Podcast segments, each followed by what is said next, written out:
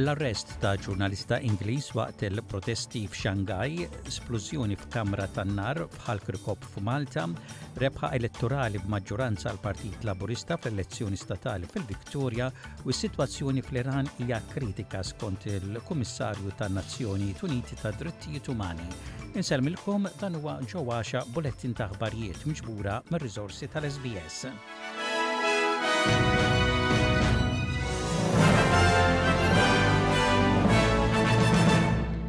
Il-Gvern Ingliż ikkundanna iċ-Ċina ta' l-arrest ta' ġurnalista tal-BBC waqt protesti kontra il-COVID-19 f'Xangaj.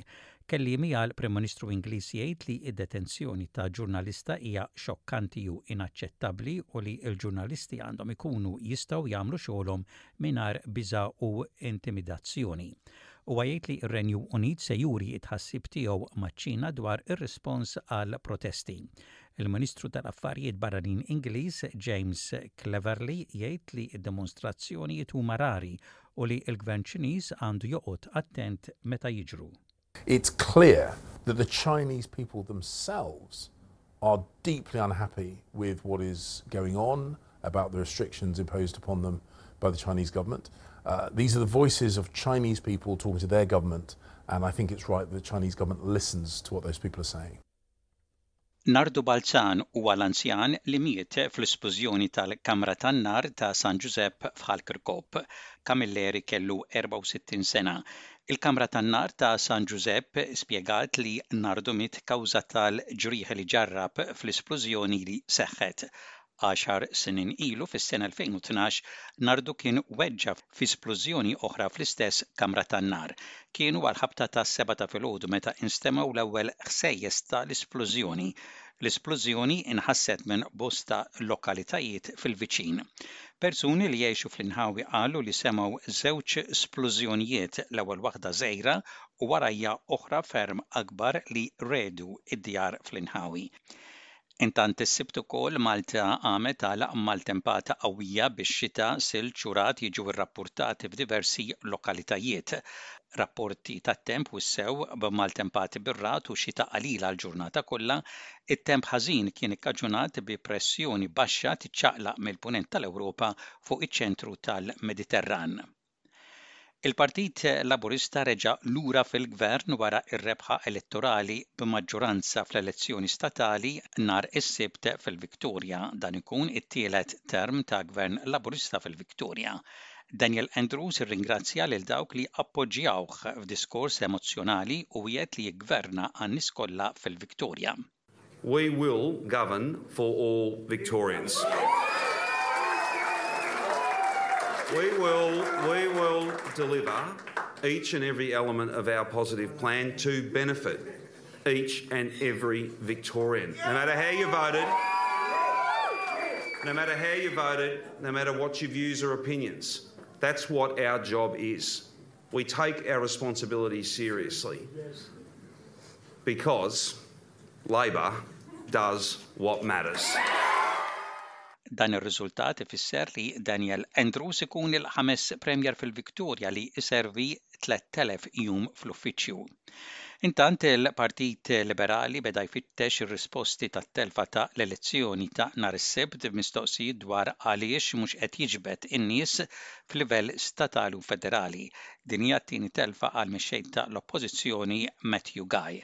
Wara din it-telfa, Mathew Guy ser iwarrab bħala mexxej tal-Partit Liberali. As soon as it is clearer which Liberal Party candidates will form the next Parliamentary Party room, I will call them together to elect their new leadership team.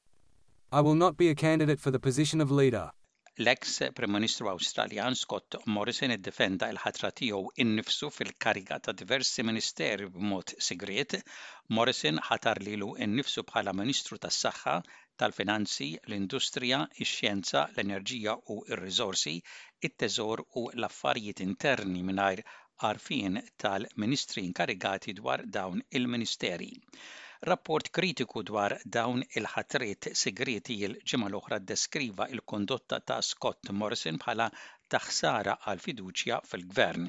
Imma l-eks Prim Ministru jgħid li waqt li jaċċetta dak li jinstab fir-rapport mhux se jirriżenja mill-Parlament waqt li ħareġ stqarrija bil-miktub li tgħid li kellu l-aħjar interess ta' l-Awstralja f'qalbu. At all times as Prime Minister I sought to exercise my responsibilities in a manner that would best advance and protect Australia's national interests and the welfare of the Australian people. Is-sitwazzjoni fl-Iran hija kritika skont il-Kummissjoni tan-Nazzjonijiet Uniti tad-Drittijiet Umani. Il-Kummissarju qal li r-rispons għall-protesti ta' l-awtoritajiet rriżulta f'aktar minn 300 mewt inkluż aktar minn 40 tifel u tifla fl-aħħar xahrejn. L-Iran huwa maħkum minn protesti nazzjonali mindu sar il-qtil tal-mara ta' 22 sena, Mahsa Amini, waqt li kienet miżmuma mill-pulizija f'Settembru minħabba dawk meqjusa atti immorali.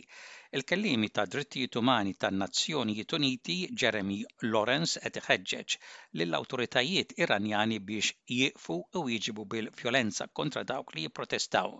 We urge the authorities to address the people's demands for equality, dignity, and rights instead of using unnecessary or disproportionate force to suppress the protests. The lack of accountability for gross human rights violations in Iran remains persistent and is contributing to the growing grievances. It-tbassir ekonomiku globali juri sfidi serji waqt li t-tkabbir ekonomiku qed jonqos skont l-Organizzazzjoni Ekonomika għall-Kooperazzjoni u Żvilupp.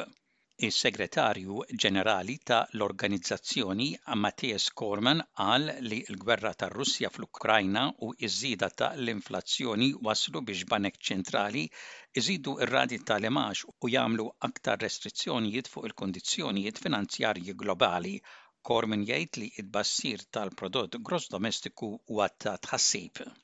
The economic outlook that Alvaro and I are presenting today is fairly downbeat.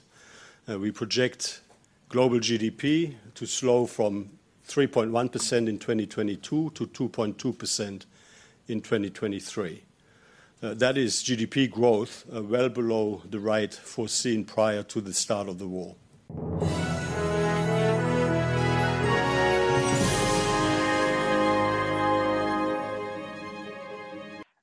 Fl-isport, fl-aħbarijiet mit-Tazza tad-Dinja, is-Socceroos rebħu kontra t-Tuneżija wieħed b'xejn b'gowl maġiku minn Mitch Duke.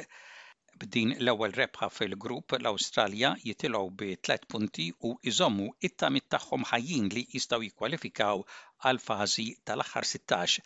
Ħafna kienu kuntenti b'din ir-rebħa li żżomm it-tamiet tal-Awstralja ħajjin f'dan il-logħob tal-FIFA. That was the best game of football I've ever been to. We like the underdog. We rode our luck. We had our own chances. Tunisia played so well, um, but just couldn't put a goal in. But uh, it was a great game. Great game. That, that's the reason you follow football games like that. Yeah. aktar riżultati u aħbarijiet mit-tazza tad-dinja lejn l-aħħar taqsima tal-programm. Fis-Centenary Stadium it-tim nazzjonali Malti ta' taħt it-dsatax il sena tilef kontra il-Ġermanja bl-iskor ta' seba' b'xejn. Il-qawwa taż-żgħażagħ Ġermaniżi kienet evidenti hekk kif ħadu l-kontroll tal-logħba sa mill-ewwel minuta. Sal-ewwel taqsima l-iskor kien diġà ta' tlieta b'xejn. Din kienet it-tieni telfa għal Malta wara li fl-ewwel logħba tilfu bl-iskor ta' tnejn b'wieħed kontra il-Portugall. Malta tilgħab l-aħħar logħba kontra l-Polonja llum it-Tlieta fl-Istadium Nazzjonali f'Ta' Qali.